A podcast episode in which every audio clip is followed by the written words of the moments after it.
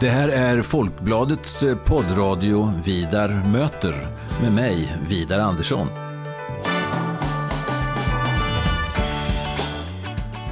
Jag är eh, chefredaktör på Folkbladet och jag är också ansvarig för Folkbladets ledarsida som eh, skrivs utifrån en oberoende socialdemokratisk hållning.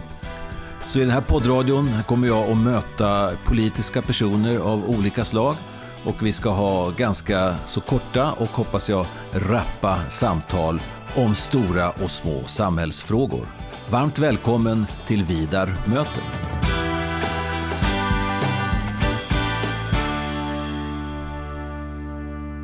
Biskop Martin Modéus, varmt välkommen till Vidar möter.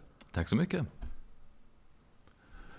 Eh, vi sitter här i stiftskansliet, så säger man va? Ja, det stämmer. I Linköping. Det är några dagar före påsk. Mm. Jag tänkte vi skulle börja samtalet just i påsken. Mm. Påsken har ju, eh, om jag uttrycker mig lite enkelt, både döden och uppståndelsen i koncentrat. Eller hur tänker du? Vad- Jo, men det är en väldigt bra beskrivning. Det omfattar liksom livets eh, ytterligheter, alla dess utkanter. Mm. Det är en, en rörelse från liv till död fram till långfredagen Mm. och sen från påskdagen från död till liv. Och eh, det, det handlar ju inte bara, eh, och kanske inte ens framför allt skulle man ibland kunna säga, om, om, om uppståndelse i slutändan av livet. Utan det är en sorts mönster som ligger över hela livet. Mm. Som en av våra stora teologer här från eh, Linköpings stift, Gustav Wingren, sa att i, i alla våra små dödar sker Mm. uppståndelsen. Ja. Du är ju en lärd man, Martin. Och eh, har skrivit mycket, har tänkt mycket.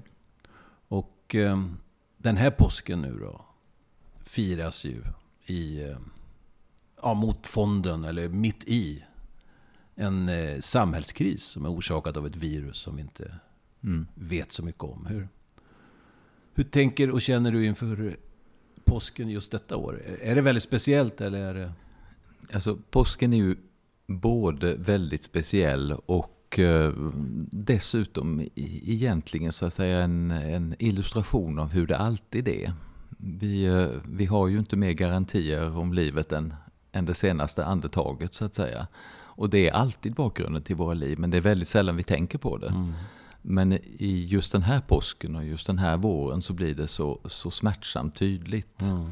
Och det gör att på något sätt kan man säga att påsken tar ännu bättre. Ja. Därför att det blir så tydligt för, för alla Mm. att det här, är, det här är tillvarons omständigheter. Det är Mm. från död till liv eh, och från liv till död.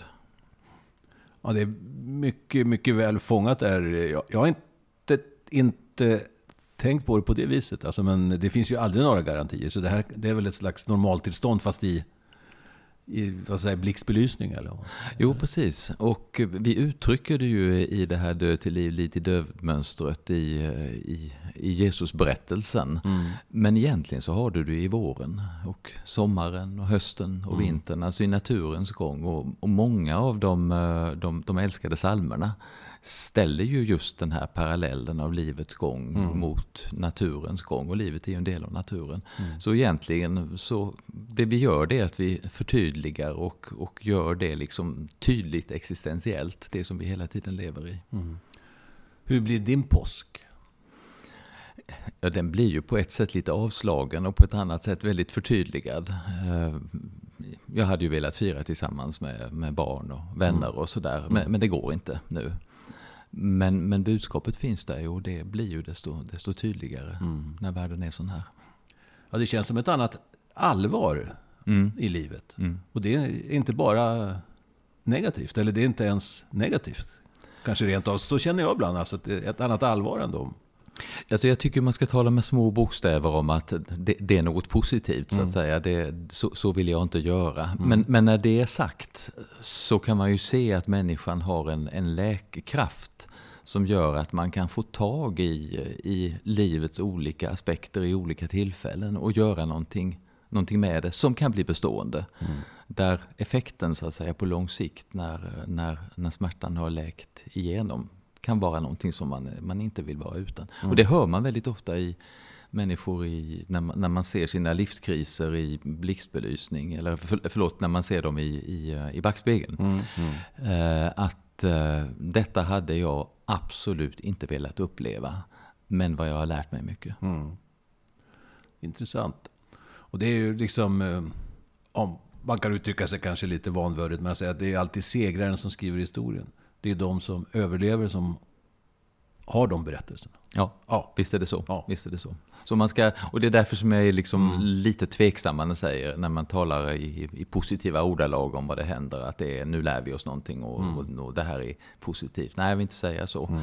Eh, men jag vet att människan har förmågan att göra någonting på sikt. Ja, precis. Alltså för att eh, det är väl en av våra styrkor som art egentligen. Kanske. Ja. ja. Gå vidare. Ja, men visst. Ja visst. Och, och denna självreflektion som gör att man kan, eh, man kan, man kan göra någonting gott ur det som, det som man drabbas av. Ja. Det sägs ju ibland att receptet på ett eh, bra liv det är kombinationen av gott humör och dåligt minne. Ja, ja. Men det är liksom bara ena sidan av det hela. Receptet på ett gott liv det är också att kunna göra någonting gott av det som, som kommer i ens väg. Mm.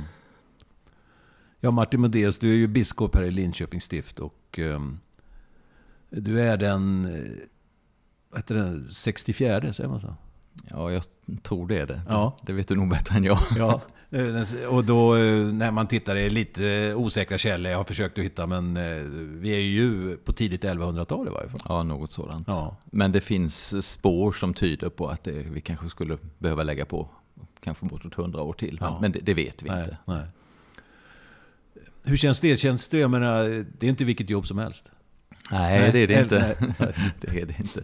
Det är ju alldeles fantastiskt att, ja. Eh, att, att, få det här förtroendet. Ja. Men just det, det, där att man är en i en väldigt, väldigt lång rad. Mm. Eh, det gör ju också att man, man tvingas ju få lite perspektiv mm. på, sitt, på sitt verk. Det, det är liksom en, en 15 år drygt som, som, som jag är här. Ja. Och det är en liten, liten, liten eh, parentes i en, i en lång historia. Mm. Men det är, ja. det, är viktigt, det är viktigt när man är här. Ja. Men i det långa loppet så, så är man en liten del i en stor kedja. Mm. Och det är rätt gott. Kan du känna ungefär som så här? Jag, vet, jag, jag var riksdagsledamot under några år eh, på 90-talet. Och jag kände så här, var lite då förnyare eller skulle ändra på saker och ting. Och så en kväll när jag gick där i riksdagshuset, det är ändå inte så gammalt, men institutionen är ju ganska gammal. Mm. Det går inte att jämföra med Linköpings stift, men, men ändå till 1500-talet. Och eh, då, då kände jag som om riksdagshuset pratade med mig. Mm. Det, var en, det, var en, fysisk upplevelse faktiskt. Mm. Och så, ja, ja du Vidar. Jag, jag har hållit på här i många hundra år. Så du ska nog inte tro att... Eh, nej. Inte så liksom att du ska inte tro att du inte är något, men alltså... Eh, Välj dina strider ungefär. Ja, men vi kan gå in i domkyrkan så kommer du höra ja. de väggarna säga precis samma sak. Ja. Är det där en, en styrka eller kan det vara liksom som ett ok på axeln ibland? Eller? Man, är, man är ju ansvarig för att göra någonting gott av det som är. Eh, och jag vill nog påstå att det i första hand är något, är något gott. Mm. Eh, att vi, vi har ett ansvar både att vara förnyare och att vara traditionsbärare. Och det är ju väldigt tydligt. Jag menar, kyrkan är en 2000-årig institution. Mm. Linköpings stift har funnits i nästan tusen år i, i den här bygden. Ja. Eh, så, så, så, och vi är då, därför då med, med marginal den äldsta fungerande organisationen i den här delen av landet. Ja. Så det är ju väldigt tydligt att kyrkan har, har levt genom sina symboler.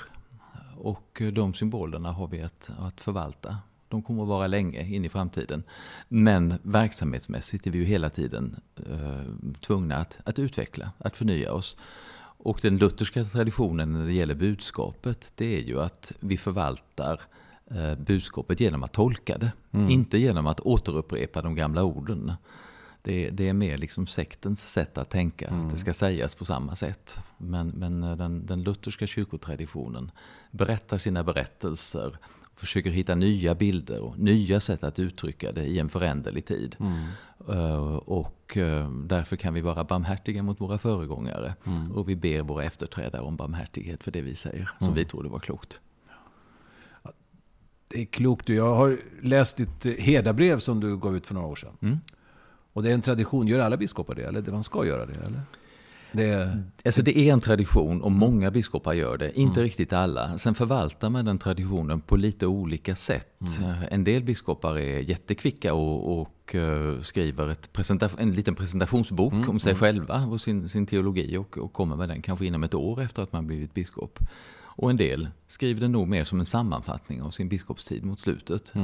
du skrev den mitt i då kan man säga? Jag, eller? jag ville hitta så att säga det stället där det här stiftet och den här biskopen möttes. Så därför satte jag igång ett ganska stort samtalsarbete. Jag åkte runt och jag hade föredrag och då, då, då hade jag alltid skrivna föredrag. Helt enkelt därför att eh, när jag kom hem skulle jag kunna skriva om dem. Ja. Eh, Så utifrån folks eh, reflektioner och där folk sa emot och där jag, där jag såg ögonen tindra när jag talade. Utifrån det så utvecklade jag det där föredraget. Och så gjorde jag så i fyra år och publicerade sedan föredraget som någon sorts eh, liten artikel i, i slutet. Och när fyra år hade gått och jag hade en packe artiklar då tog jag alla dem och så skar jag dem i små bitar och la ut dem på golvet där hemma och så pusslade jag om dem. Ja. Så att det blev den här boken. Och sedan så fanns det mycket folk som eh, hjälpte mig att läsa och komma med synpunkter. Så att eh, ja, mellan tummen och pekfingret kan man säga att eh, stiftet har varit med och skrivit den här boken. Och därför är boken också så att säga, det grundläggande strategiska dokumentet för arbetet med utvecklingen av stiftet. Jag får säga, jag har läst den med stor behållning. Nu är inte jag så aktiv i kyrkan, jag är medlem i, i, i Svenska kyrkan och så vidare. Men jag, eh, jag uppskattar verkligen alltså att, att ledare i kyrkan inte är blyga för att tala om Gud och Jesus. Alltså som... eh, Ibland upplever jag det. Att, eh, den blygheten. Jag vet, du, du nämner det i boken också nå, någonstans här. Att eh, må- många har nämnt det för dig. Och, Ja. och det, därför är det så skönt med någon som inte gör det. Ja. Ja. Nej, jag tycker att det är, Den här boken den slutar i sju, sju rörelser, kallas det för. Det är alltså utvecklingsriktningar inom, inom sju olika områden. Och den viktigaste för mig har egentligen blivit den första rörelsen. Den heter Från missmod till hopp. Och det handlar helt enkelt om att, att se med hoppets ögon på, på, på, på, sin, på sin värld och på sitt sammanhang. Aldrig någonsin så att man sopar problem under mattan. Men däremot är man alltid tvungen som ledare att hitta hoppets perspektiv i den situation där man är. Jag brukar använda en, en liknelse att när man ska renovera ett hus så kommer man aldrig någonstans om man står och gråter över att det är ruttet här och var. Utan förr eller senare måste man alltid hitta de friska bjälkarna, för det är där man ska sätta skruvarna. Och det är liksom ledarskapsuppgiften, tänker jag. Och det uttrycker jag som ett sorts hoppets perspektiv. Där är det friskt, här är det friskt. Så bygg vidare ifrån det. Jag läste en passus här i ditt herdabrev som heter Levande tillsammans med Kristus. Va? Ja.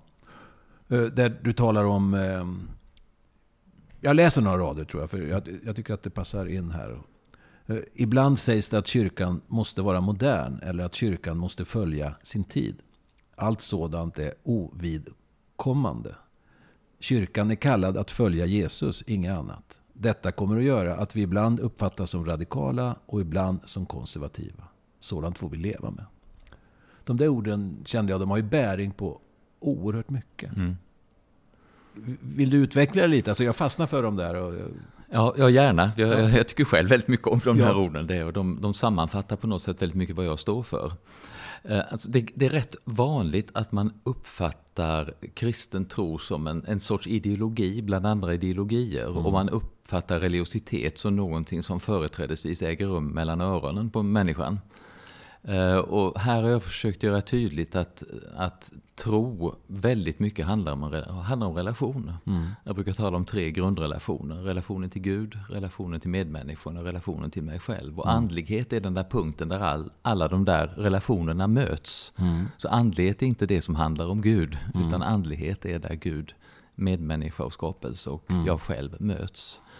Eh, Och det här handlar, det är ett sätt att uttrycka den här relationsaspekten. Vi följer Jesus. Eh, Vi, vi slår följe med honom på vägen så att säga. Och då ser vi saker i samtiden och i samhället, i vårt, i vårt eget inre liv. Och det speglar vi i Jesus.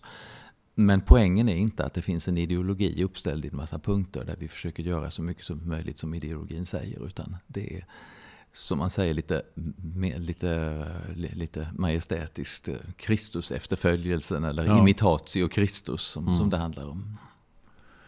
Du, eh, du skriver också här om, eh, om kyrkan och ledarskapet eh, och hur det är kopplat till, till korset, till korsets betydelse. Mm. Och att det är liksom svagheten snarare än framgången. Mm. Har jag, jag tolkat det rätt? Liksom? Ja, men det är precis, precis rätt. Och ja. det är också en sån där viktig luthersk figur. Att, ja. att det inte är framgången som Gud blir som synligast, utan Gud, Gud går ner till oss och finns med i smärtan. Mm. Och det blir så oerhört betydelsefullt just i den här i en sån här tid som vi lever i nu med, med corona och all den smärta som finns. Mm. Att, att Gud är inte är någonting som hägrar bortanför horisonten utan, utan som är med just här. Mm.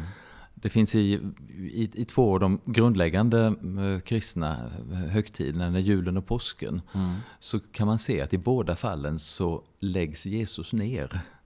Han läggs ner i krubban, mm. i halmen, i strået, utlämnad till människor. Och han läggs ner i graven som mm. död. Mm. Alltså det är det lägsta uh, Gud kommer till oss. Mm. Ja, det är otroligt fascinerande. På en annan plats i ditt herdabrev så skriver du om Svenska kyrkan mer som institution. Mm. Och du säger ungefär så här nu, nu citerar jag inte ordagrant, men du säger någonting om att krampen börjar släppa, liksom den här gamla här, majoritetskyrkan. Mm. Och, ja, vill du utveckla det lite? Alltså... Ja, det, det fanns under ganska lång tid ett en ganska smärtsam, smärtsam perspektiv i Svenska kyrkan där vi, där vi har varit tvungna att, att byta självbild så att säga. Vi, vi, har ju väldigt långa historiska perspektiv, men, mm. men, kyrkan har ju varit ett med samhället. Det var ju mm. inte så, kan man säga, att det, det fanns en kyrka i ett samhälle förr i tiden, utan kyrkan var samhället. Och väldigt många av de viktiga samhällsfunktionerna som, som fanns, som, mm. vård, skola, omsorg, det, det var ju knutet till kyrkan. Och den här separationen ifrån samhället då i, i den institutionella bemärkelsen, den börjar ju så tidigt som i, på, på upplysningstiden. Och den, den får den får, ska man säga, institutionell synlighet när man skiljer den kyrkliga kommunen och den, den borgerliga kommunen åt på 1860-talet. det är den typen av ja, perspektiv mm. vi har. Och sedan dess så har det då pågått en lång, lång, lång, lång, lång, lång omläsning av kyrkans roll i samhället. Delvis på grund av tryck från, från samhället. Delvis på grund av att kyrkan har släpat efter eller försökt vara, mm. vara, vara, liksom komma till rätta med sin syn. Och poppen liksom gick ur där på något sätt tror jag under 80-talet. Mm. Och då bröt, sig, bröt ett väldigt stort missmod ut i kyrkan. Eh, som delvis vill jag påstå var, var rätt självdestruktivt. Man har mm. slagit på sig själv och inte riktigt trott på sin egen roll. Vadå att vi har ingen plats i det här samhället ja. längre eller vi kommer att dö och Ja, försvinna. precis. Och du har varit inne på, på de där perspektiven mm. tidigare. Då var det här med, med att, att, inte våga tala tydligt om Gud. Mm. mm. Därför att man, man försökte hitta andra sätt och, och då, då blev det en otydlighet av det. Och den krampen tycker jag börjar släppa nu. Mm den stora frågan är inte eh, hur blir vi många, utan hur blir vi sanna? Ja. så att säga. Och det blir, väldigt, det blir tydligare och tydligare. Och det mm. har med Jesus efterföljelsen att göra. Och mm. Sen är det klart att det är väldigt mycket eftersläpning när en stor uh, institution byter, byter, byter kostym och byter fokus. Så att säga. Mm. Men, men jag ser och, och känner liksom andra vindar, en, en annan stolthet över våra kyrka. Mm. En, en ny självmedvetenhetens plats i god bemärkelse. Mm. Vi har något som är bra som, är, som, ja. som, som världen behöver. Mm. Hur går det här att förena med den partipolitiska styrningen? Är det ett problem tycker du från, från ditt, ditt perspektiv? Liksom? Eller? Nej, alltså jag tycker ju att det är bra att många krafter kommer, eh, får, kommer till tals i kyrkan. Och ska man nu ha en demokratisk folkkyrka, och det, det, det vill vi ha, mm. så behöver de människorna väljas mm. på några sätt. Och vi kommer ur den traditionen där, där partierna hade det inflytandet. Och eh, de, de förtroendevalda i kyrkan jag möter är så oerhört väl, välvilliga när det gäller kyrkan. Så att eh, för, för mig är det absolut inget problem. Sen kan jag förstå de som tycker att det är ett principiellt problem. Men jag upplever inte att vi har en politisk styrning utan mm. vi har en bred representativitet i, i samhällets mångfald och det mm. är bra. Mm.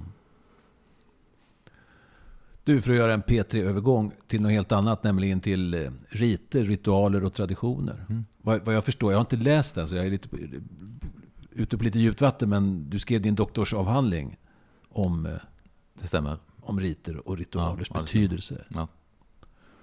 Och det där det tycker jag är väldigt spännande. Av en slump för många år sedan nu så jag var i Kiev och um, gick förbi en stor kyrka, rysk-ortodox kyrka ska jag tro, mm. och gick in där, en lunchgudstjänst, eller lunchföreställning nästan. Det var helt fantastiskt. Ja. Alltså med, var körer där och folk satt och bad och um, någon präst gick runt med rökelsekar och, ja. och massor med folk och, ja. och sång och Ja, det var som att bli frälst. Ja. ja, men, jag förstår det. Alltså, det, var, det, var en, det tog rejält. Ja, det gjorde det verkligen. Och det, det glömmer jag aldrig. Nej. Nej. Och... Um, är det kring sådana ritualer eller är det mer gudstjänstritualer, sådana som vi har i, i vår del av världskyrkan? Eller hur, hur tänker du om ritualer och riter? Alltså riter är viktiga. Mm. Och det, det, ser man ju därför att riter eh, uppstår ju spontant över hela världen. Det är ju inte så att riten finns i kyrkorna bara, mm. eller, mm. eller ens bara i det religiösa. Utan det, riten är ett mänskligt behov. Som, som tror jag handlar om att liksom eh, skapa fasthet och stabilitet i livet, att, att ha gemensamma sätt att förhålla sig till svåra frågor. Alltså det vi inte kan tala om, det kan vi göra en rit om och så händer någonting i magen så att säga. Mm, mm. Nu, nu, sladdar jag väldigt över, ja, över ämnet här, men, men det, det, är uppenbart att det är något djupt mänskligt. Mm. Det är uppenbart att det kan vara väldigt konstruktivt och det är uppenbart att det kan vara destruktivt. Så som allt i det mänskliga livet. Mm. Man har ett ansvar för att hantera det på ett bra sätt. Det blir, ja, och för, för kyrkans del, som, ja, som man känner som allmänhet då med ritualerna, framförallt begravning och sånt där. Så mm. jag menar, det är ju omvittnat från, från alla, skulle jag tro. Ja. Liksom dess betydelse. Ja. Så det finns ja. ett tydligt före och efter. Ungefär död, liv, liv, död. Som vi precis. var inne på i början. Och där tror jag en enorm mänsklig nytta. Ja, jag tror det som, också. Och det ser man i att om, om, om vi skulle säga att vi la ner de kyrkliga ritualerna mm. så skulle de dyka upp på annat sätt. Därför ja, att vi behöver dem. Ja. Och, och vardagen är dessutom full av mikro, mikroritualer.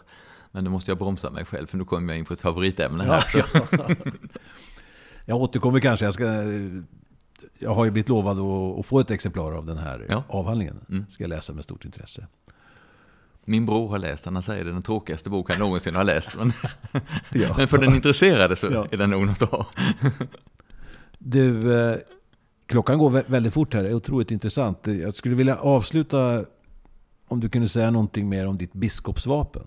Jag läste bara som Lammet och Lejonet. Ja, just det. Och jag läste om det och blev väldigt intresserad, men jag tänkte mycket bättre om, eh, om du själv utveckla det? Eller? Ja, lammet och lejonet. Det, alltså det är så när man, ska, när man blir biskop så blir man omedelbart kontaktad med folk som sysslar med sånt här eh, heraldiskt. Okay. Och, och, så får man ett mejl då att nu ska du ha ett vapen. Mm. Och då svarar man väl ungefär oj då, ska jag? och så funderar man hur i hela världen gör man det? Och då, och, och, och, då fick jag en väldigt god vägledning av den mannen som, som gjorde detta. Han sa du ska börja någon, i någonting som är speciellt för dig, någonting som betyder någonting. Och då minns jag att när min barndomskyrka, Bymarkskyrkan i Jönköping, renoverades, då eh, skänkte mina föräldrar ett litet, litet tygstycke som skulle hänga som prydnad på eh, predikstolen, predikstolskläde. Mm. Och det var ett lamm med en segerfana, en sån här gammal eh, kristen ja. symbol. Och då tänkte jag, men då börjar jag i det. Och när man som bibelläsare och bibelentusiast tänker på lamm, då tänker man också på lejon. Därför att i Jesajas bok eh, så finns där en, en, en, mycket känd text av hur vilddjur och tamdjur ligger ner tillsammans mm. i, eh, i vila. Och det är en symbol för paradiset alltså, där fiendskapen har upphört. Och då tänkte jag, det där vill jag ha med. Eh, paradis eller gudsrikesvisionen, mm. som det står mycket om i det här Hedabrevet. Det vill jag ha med, men vi är ju inte där. Eh, och en biskop måste kunna hantera både frid, som ju lammet är en symbol för, mm. och strid, som lejonet är en symbol för. Så då tänkte jag, jag tar lammet och lejonet, men jag låter dem stå upp mm. i mitt vapen. Det är dit vi är på väg, men där är vi inte. Och jag är en del av det arbetet. Mm.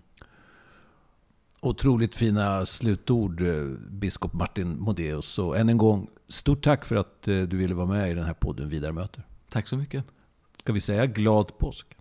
Glad påsk och Gud välsigne er.